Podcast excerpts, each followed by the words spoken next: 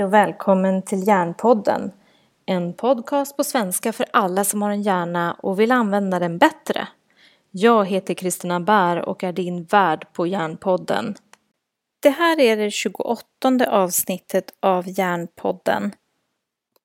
Denna gång träffar jag Anna Bjurenstam och Linda Hallberg som har skapat nättidningen som heter Special Nest. Och vi delar samma intresse för barn med neuropsykiatriska svårigheter och skola och därför blir det extra intressant att träffa dem i dagens avsnitt. Ljudkvaliteten på dagens avsnitt svajar en aning och jag ber om ursäkt för det men det gick inte att rätta till i redigeringen. Men nu över till dagens avsnitt.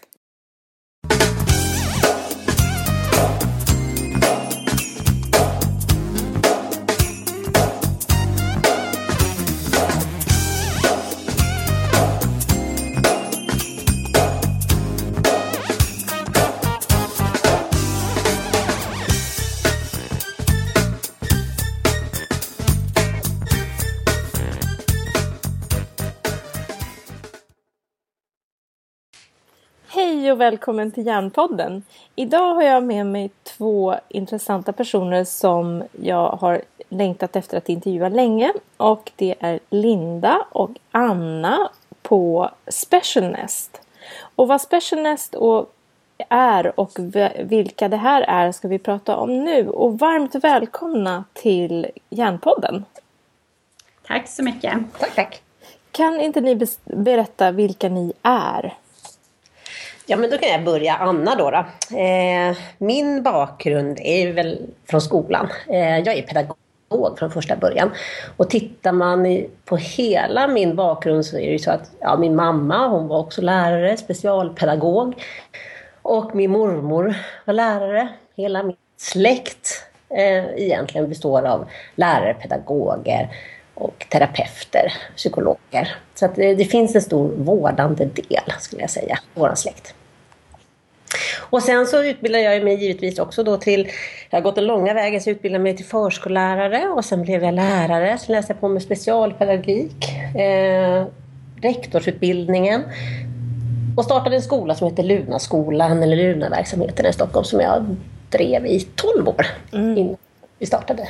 Och Lunaskolan vet ju jag som skolläkare har ju ett, ett väldigt speciellt, eh, eller en speciell inriktning. Ja, just det. Det är en, en så kallad resursskola då, som den går under den benämningen. Och den finns i Stockholmsregionen. Då, då. Och där har jag och Linda hängt ihop under många år tillsammans. Mm.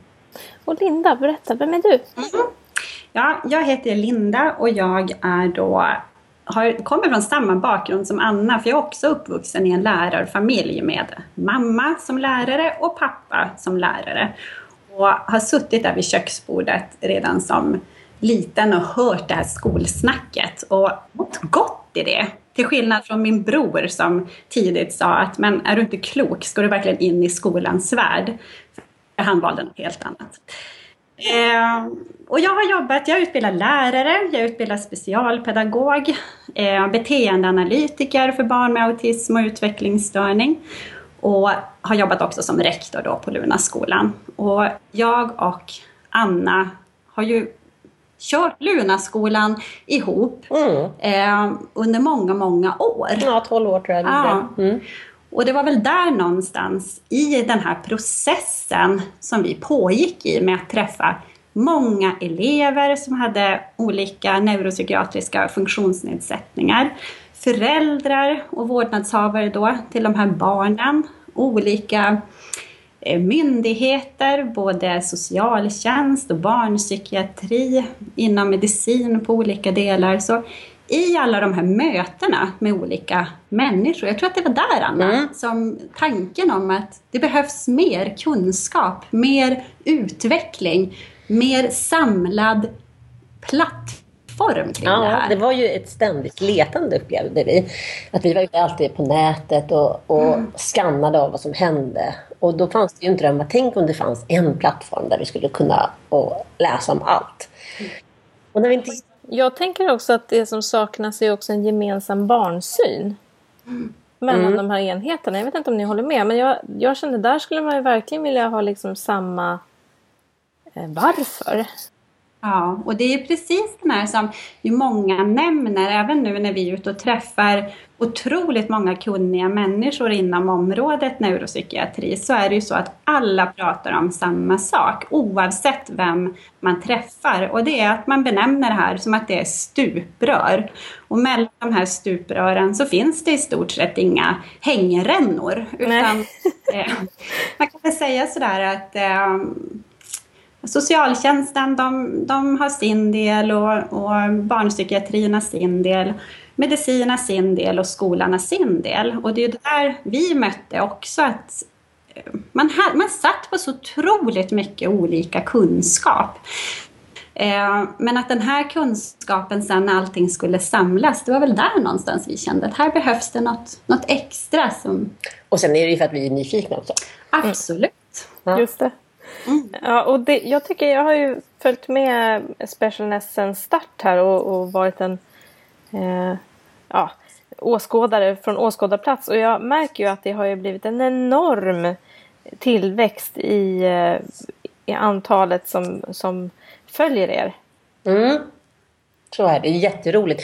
Och, eh, men vi kan väl säga att egentligen från första start så blev det ett ganska eh, bra tryck på vår sida. Eh, så vi har fått eh, ja, mycket fin kritik och folk som tittar på det här vid sidan om som kan det här med trafik på sidor och sådana saker. De är jätteimponerade. Mm. Och, och, ja, så det har varit en rolig, jätterolig start. och det är ju ett ämne där många letar kunskaper. så jag tror att vi är på rätt ställe. Helt mm, verkligen.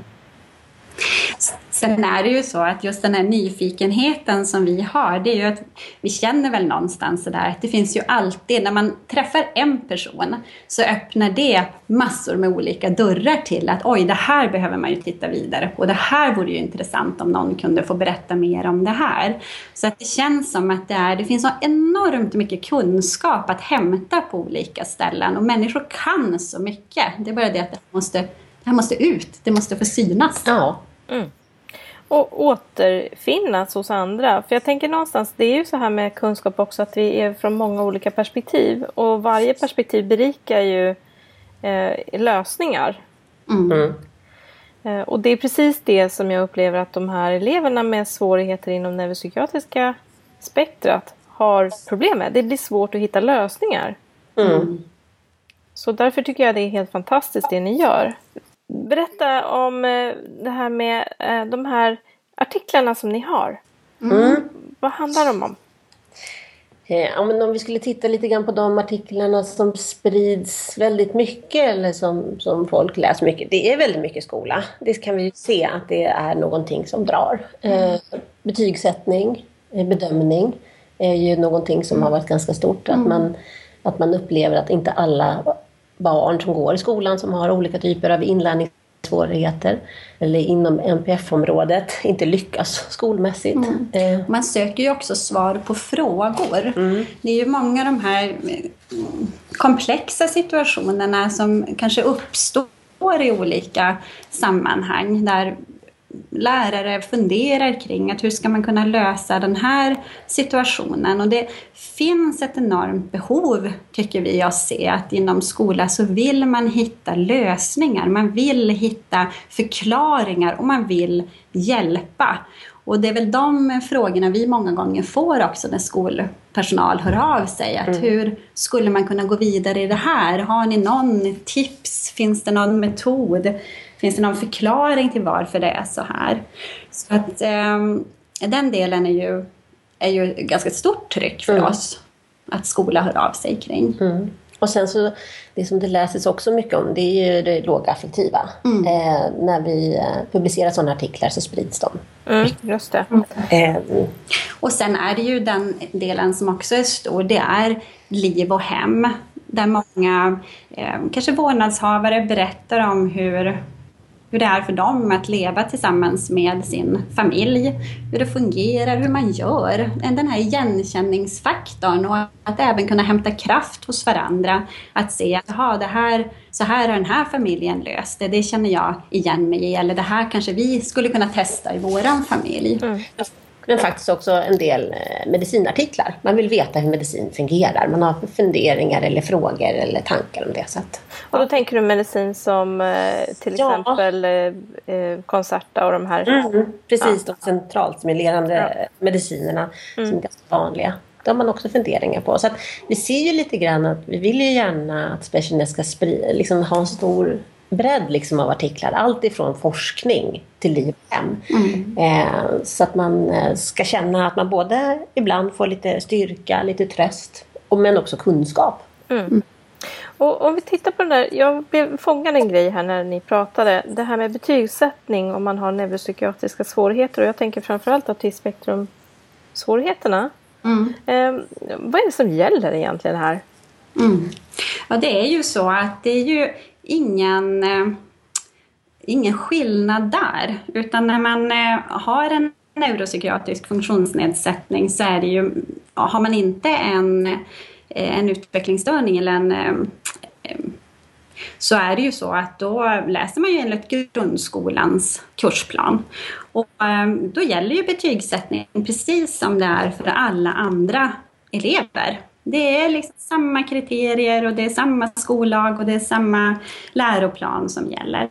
Men sen finns det ju det här med att det finns någonting som kallas för undantagsparagrafen eller pysparagrafen och den ska man ju då som skola kunna tillämpa i vissa fall. Men det finns mycket eh, ja, restriktioner kan man väl säga när den här paragrafen ska användas och det finns ju mycket funderingar kring när är det när kan jag använda den här? Är det här ett okej okay, eh, sammanhang för eh, att tillämpa paragrafen? Och där måste man ju då säga att det handlar ju faktiskt om att man har en, en bra dialog inom det lärarlag där man arbetar, för det är svårt med betygssättning och det är svårt att veta när den här paragrafen ska användas, så där måste man kunna eh, ta hjälp. Och där har vi gjort så, för att vi vet att det här är en återkommande fråga varje gång som betygen ska sättas. Och det är också någonting som, som skolpersonal funderar över när de börjar planera sina lektioner tidigt på terminen och sen har Eh, Eh, målet då av att man ska knyta ihop säcken och göra en bedömning. Så hela tiden finns ju de här tankarna kring vad, vad hör funktionsnedsättningen till och vad kanske är svårigheter i inlärningen som barnet har eller vad är det som barnet helt enkelt inte kan? Här är det en kunskapsbrist. Och det där har vi försökt skriva ganska mycket om och försökt intervjua och hitta de personerna som har mycket kunskap om det här. Men mitt råd i den där frågan det är ju faktiskt att man har många, många samtal i sitt lärarlag där man tittar på vad har du sett på dina lektioner och hur har du jobbat och har du sett någonting som jag inte har sett? Så att man inte blir ensam på sin kammare när det kommer till det här. Mm, och då kommer till det här kollegiala lärandet, att ta hjälp av varandra. Ja. Absolut, jätteviktigt. Men det krävs ju betydligt mer idag att klara av betygssättningen med den nya läroplanen än ja. tidigare. Så är det. Så att man behöver vara eh, duktig som lärare och veta vad det är man ska titta på, vad det är man ska bedöma för någonting. Och det måste man veta innan egentligen terminen sätter igång, vad man ska mm. ha på sin, eh, på sin planering. För att veta vilka moment ska jag titta på för att kunna bedöma de sakerna mm. och vilka moment är det som eleven behöver öva och träna. Mm. Just det. Och det är viktigt att den här undantagsparagrafen aldrig tillämpas så att man inte övar och tränar. Utan att det får inte bli någonting som... Schablonmässigt liksom sätts in. Utan, för vi ser ju att, eh, av den erfarenheten vi har att man kan öva och träna i små, små steg till att nå de färdigheter som behövs i många, de flesta fall. Absolut. Just det. Och jag tänker eftersom ni har erfarenheten också ifrån Lunaskolan där jag har upplevt att man på något sätt när, när vanliga skolor inte klarar sig eller klarar att förstå hur eleven lär sig så finns Lunaskolan som ett möjligt alternativ för att nå lite längre. Är det, ja. är det rätt? Jo, men absolut. De barnen som kommer till Luna-verksamheterna som vi har mött, eller andra resursskolor skulle jag säga, det är ju inte ett förstahandsalternativ oftast att man kommer till en resursskola. Oftast har man testat många olika andra alternativ, kanske med assistent eller eh, att man har fått vara i en studio innan och så. Men sen när man ser att ja, men, barnet fortfarande kanske inte klarar skolkraven men inte heller att hitta rätt i de sociala strukturerna som finns i skolan. Oftast är det också ganska eh, ja, det, det, är lite svårt för en del elever också rent perceptuellt att vara i en stor skolmiljö. Då börjar oftast elever må dåligt och det visar sig oftast de ont i magen, ont i huvudet, vill inte gå iväg till skolan, det blir frånvaro. En del får ett väldigt, ja de blir utbrända skulle man säga eller deprimerade. Och då, en del är arga. Ja, mm. absolut. Utagerande. Mm. Och då tittar man ju då på andra alternativ. Så oftast är det ju när man kommer till en resursskola, det är ganska många saker man har testat och provat innan man tar det beslutet. Eh, och då tycker jag att för vissa elever då så är det ett väldigt bra alternativ att gå i. En del går under en del av sin grundskoletid men går ut till ett större gymnasium i framtiden. Eh, en del behöver gå kanske hela sin skolgång sedan mm. vidare inom eh, mindre undervisningsgrupper. kanske behöver hjälp med en daglig verksamhet i framtiden. Men att man ser att det psykiska måendet eh, är liksom prioriterat. Mm. Just det. Och jag kan ju uppleva också när, man, när det har gått så man har gjort massor av försök och, och, eleverna visar på att de med det här undandragandet eller med ilska eller något annat beteende Eh, undandragen, då tänker jag till exempel hemmasittare eller så. Då, då är det ju också en lång väg tillbaka att bygga förtroende. Eh, för, att, för att på något sätt våga lita på vuxenvärlden igen som elev. Och det där tycker jag är spännande hur man har jobbat på Luna eh, och andra resursskolor att, att det faktiskt går. Det går och det borde gå även i vanliga skolor om man har ökad kunskap. Mm. Jo, och jag upplever att de, ja, nästan alla elever som jag har träffat, eh, de vill ju gå i skolan. Mm. Eh, de vill ha en fungerande situation. Men att det blir för stora glapp mot det man eh, kan och klarar till den skolmiljö som man ska vara i. Mm. Och att det är där som man behöver på, på en väldigt individuell nivå kartlägga för att kunna sätta in de insatserna som eleverna behöver. För det är, man gör det lite ibland schablonmässigt. Ja, men elever med den här diagnosen behöver det här. Istället för att titta på ja, men vad behöver den här eleven specifikt. Det kan vara att bara ha med sig sin mobiltelefon in på lektionerna. Det kan vara att man sitter på en särskild plats eller att man att man inte möblerar om i klassrummet mm. som skapar stress, att man inte utsätts för ett brandalarm. Mm. Eh. Och många gånger så finns ju lösningarna redan hos, hos eleven många gånger. Är man noggrann i den här kartläggningen så kan ju eleven många gånger komma med väldigt kloka att det här skulle vara, vara bra för mig. Då skulle det bli bättre för mig i skolan. Och det brukar inte vara några så rocket science eller otroligt kostsamma eh, insatser som behöver göras utan det är oftast väldigt små medel. Jag tycker om att sitta vid dörren. Jag vill ha nära ut om jag behöver pausa till mm. exempel. Eller jag behöver gå på toaletten när jag vill. Mm. Det kan vara så enkla saker. Och sen, ja, så har ju vi, mm. ja, sen har ju vi sett också att, att det här samarbetet med vårdnadshavare och andra instanser som finns kring eleven, alltså det här nätverket som många elever redan har av insats. Det är så viktigt att man tar vara på varandras kunskaper och syn i den här kartläggningen kring vad som ska bli bra för just den här individen. Då brukar man lyckas hyfsat bra. Men det är inte enkelt. Mm. Mm. Jättespännande. Och jag funderar på eh, återigen det här med Special Nest eh, som eh, medium. Vad märker ni är eh, skillnaden från eh, andra typer av såna här tidningar och sånt där, papperstidningar som kommer ut. Det finns ju lärartidningarna och det finns ju specialpedagogerna. Alltså, förstår ni? Det kommer ju massor med tidningar som man kan prenumerera på. Men vad är det som, som blir möjligt i det här mediet? Det är ju det att vi är snabba. Eh, de flesta andra är ju veckotidningar eller månadstidningar. Eh, utan vi kommer ju i ganska rask takt. Eh, och också kan få en stor spridning. Om man har en tidning på en skola så är det bara en som kan hålla i den. Ja, just det. Medan den här delen som vi tänker just med att finnas på webben, det är ju därför att man har inte råd att skicka personal på utbildningar på samma sätt som man skulle vilja.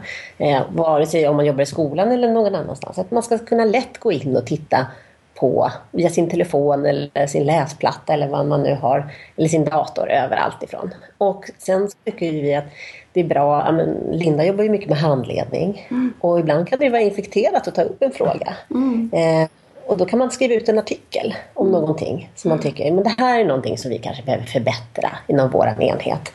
Och då kan man ta det som ett diskussionsunderlag. Mm. Eh. Det ser ju vi lite grann också att Ehm, och får också ett fint gehör ifrån bland annat elevhälsoteam att det är så man väljer att använda många av våra artiklar i just diskussionssammanhang för att kunna komma vidare i det kollegiala lärandet också. Mm.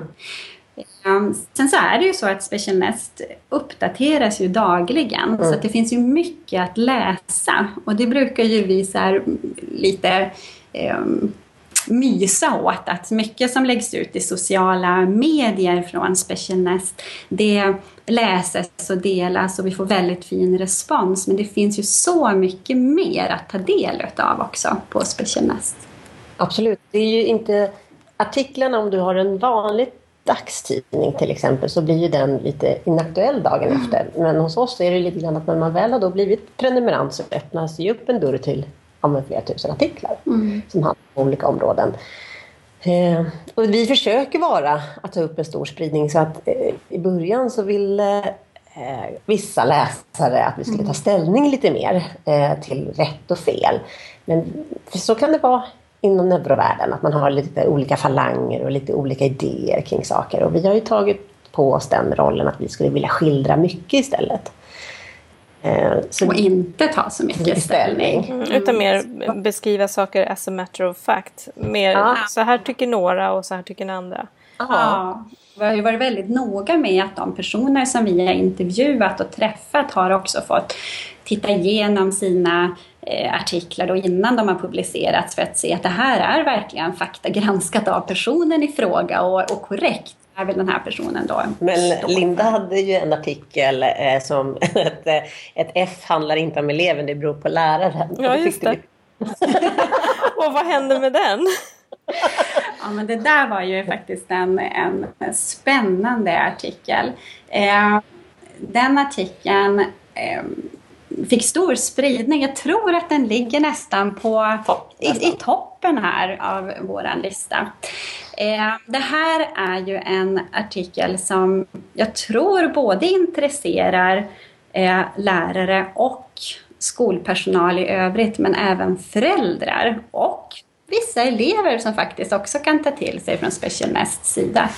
Att F då inte beror på eleven utan det beror på läraren och bara rubriken i sig. Ja men det var Värn som var lite radikal där. Och, och, så att, men det var, det var, en jättefin artikel liksom, mm. så att säga. Att man, man ska jobba mer med eh, betyg och bedömning och inte låsa sig fast med matriser. Ja, precis. Mm. Och jag tror att i slutändan så blev det väl så med den här artikeln också att man eh, har nog kunnat eh, diskutera den och vänt och vridit på många delar i den här artikeln av att nej, det är ju inte så att det är eleven som är bärare av sitt problem, utan det faktiskt handlar om att vi behöver kanske anpassa i miljö, vi behöver anpassa vilka läromedel vi använder till vissa elever och vilket stöd. Vi har elever som är i extra behov av engagemang mm. och då kan man inte lägga över att eleven själv ska skapa det engagemanget, utan det handlar faktiskt om att vi behöver hjälpa till med det de vuxna runt om barnet. Mm. Och det här är ju precis en av de stött, eller de grundpelare som jag försöker ha när jag jobbar. Att någonstans så kan vi inte förutsätta att barn som är på något sätt i en växande period eller en, en och också i en, i en maktposition där vi vuxna har makten. Det är väldigt svårt att lägga över all skuld på barnet. Det, det är ju fullständigt obegripligt tycker jag. Utan någonstans så måste vi ju titta på, men vänta det här beteendet, vad, vad handlar det om? Vad, vad är det vi inte har förstått här? eh, som gör att vi behöver kanske tänka ett varv till. Och också vara öppna för barnets perspektiv. För de, jag tycker det är påfallande ofta som de vet vad som är problemet. Absolut. Man måste ha med dem. Mm. Mm. Och där ser ju vi också att många elever som vi har, har mött i skolan och skolpersonal som jag träffar i handledning också, där handlar det ju om att de här eleverna, de vill göra rätt. De här eleverna vill lyckas i sin skola och de vill också göra bra ifrån sig. Elever är tidigt idag medvetna om att det är betyg i årskurs 6 och att det krävs en utbildning för att man ska lyckas Eh, i sitt fortsatta liv och att skolan på så sätt är väldigt, väldigt viktig. Men det handlar också om i det här, tror jag, att att skapa liksom en väg, att man som vuxen vågar vara tydlig och strukturerad och faktiskt styra eleverna att lyckas då på sin väg. Att det här, speciellt då de eleverna som, som jag möter som har NPF, att där kan man behöva ha en ännu eh, att vara en ännu tydligare vuxen, en glad vuxen som med en tydlig, liksom, en vägvisare som kan hjälpa den här eleven på vägen att lyckas. Då brukar det bli bra. Men börjar man lägga över den här skuldbördan eller tycker att eleven är ett problemområde, då har man också oftast en tankevända som behövs i just det sammanhanget. Mm. Just det. Så om, om ni fick välja någonting som ni skulle se som ett utvecklingsområde för svenska skolan, vad skulle det kunna vara? Det här är ju så spännande. Vi satt igår och så satt vi och pratade om just de här delarna av att vad skulle man faktiskt önska med skolan? Och en del som vi fastnade i när vi satt och, och vände och vred på den här frågan, det är ju faktiskt att vi ser att det behövs en, en ökad kunskap inom svensk skola kring elever som har, ja, har det svårt, som är i behov av särskilt stöd.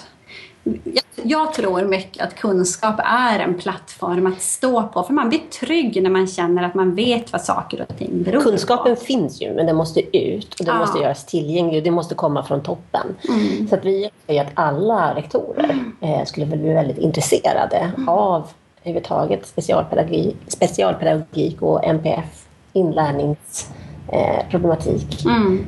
på olika sätt. För det är därifrån det måste börja uppifrån för att sippra neråt. Och jag träffade professor Sven Bölte här för någon vecka sedan och han sa det att, att om vi bara skulle lyckas nå ut med allt det som vi redan vet i de här frågorna kring NPF i skola, i vård, i psykiatri, inom socialtjänst. Skulle all den här kunskapen kunna integreras, då skulle vi nog troligtvis ha betydligt färre eh, frågetecken som vi står och trampar i. Eh, därför att det finns otroligt mycket kunskap, men den når inte riktigt ända fram. Och det skulle vara också väldigt ekonomiskt för samhället. Det skulle vara en stor samhällsvinst ja. på det viset.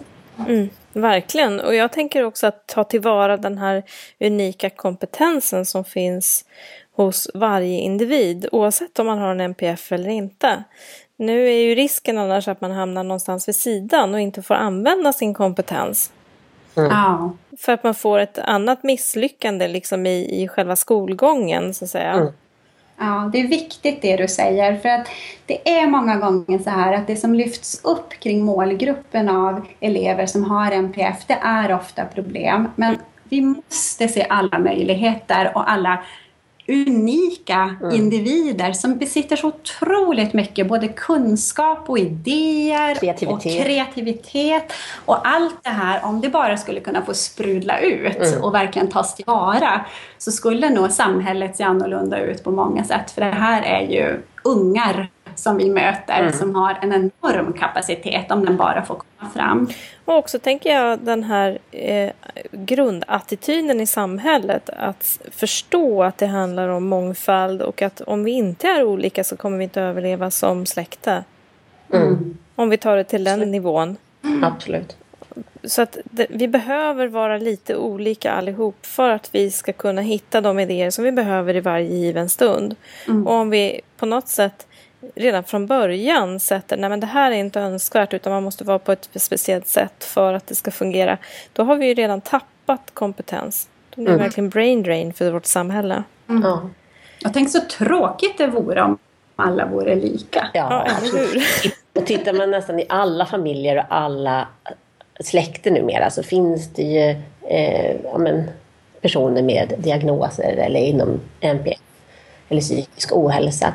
Och det är ju också viktigt för det påverkar hela systemet om en blir exkluderad från en familj. Absolut. Eh, så påverkas det ju väldigt mycket. Så till exempel ett, ett barn som inte fungerar i skolan, det påverkar ju föräldrarna enormt mycket. Och det påverkar ju hur de agerar och är vidare på sina arbeten i samhället. Så det, det, är inte bara för individen utan för, för alla. Absolut. Eh, jag tycker det här var ett väldigt intressant samtal. Är det någonting som ni känner att vi ska skicka med eh, för framtiden i avsnittet? Oj. Det finns ju så mycket vi skulle vilja skicka med.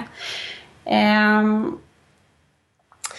Ja, alltså hur mycket känslor påverkar. Mm. Eh, och att, jag skulle gärna höra ett avsnitt om det framöver. Om hur, hur känslor tar uttryck, hur olika känsloliv kan se ut. Att man har lite olika inre orkestrar. Mm. Eh, hur de påverkar i olika situationer. Mm. Och hur vi påverkar varandra. Ja av det.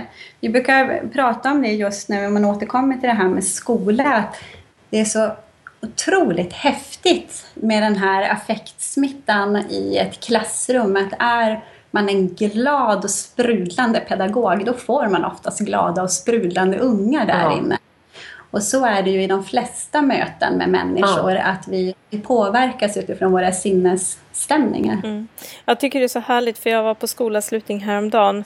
Nu är det juni när vi spelar in det här och eh, jag var och, på skolan och träffade en, en av mina barns pedagog som är just en sån här sprudlande pedagog mm. som får ungarna liksom att längta tillbaka mm. efter sommarlovet. Mm. Alltså det är ju helt magiskt. Mm. Även om de är jättenöjda med sommarlov, det är helt okej. Okay. Men de längtar tillbaka för de har så vansinnigt roligt. Och det finns så gott om de här pedagogerna. Ja. Så att om man ska få slänga in en sån här så är det väl att vi skulle, man får väl passa på att lyfta pedagogerna här också. Och du vill ju att pedagogens röst, Linda, brukar vi prata om. Ja. Att det kommer få fram i skolan mer.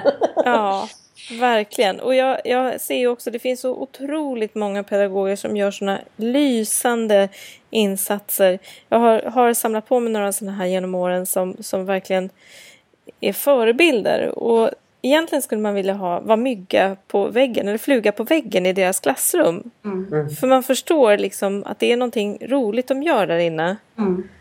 Ehm. Det är väl det man kanske skulle skicka med in i framtiden, att det är ju just våra otroligt duktiga pedagoger som kämpar ute med barnen i, i skolorna och som verkligen brinner för det här. De har ju blivit pedagoger för att de tycker att det är roligt med skola och det är roligt med barn och utveckling och inlärning är det någonstans som, som det här eh, lite kanske tråkiga mediala som finns kring skolan där allting är negativt, att är det någonstans som det här kan vända så är det ju faktiskt hos de här pedagogerna ja. i klassrummet. Det är de som behöver stärkas och få visa vad de kan. För det finns så mycket pedagogisk kraft. kraft. Mm, verkligen. Eh, tack snälla Anna och Linda för att ni ville vara med i Järnpodden. Och jag hoppas att vi har spridit lite inspiration och förhoppningsvis eh, så får vi lite fler lärare som verkligen brinner för den här frågan även i utbildningssystemet tänker jag. Så att vi kan rekrytera fler duktiga pedagoger med tro på våra elever.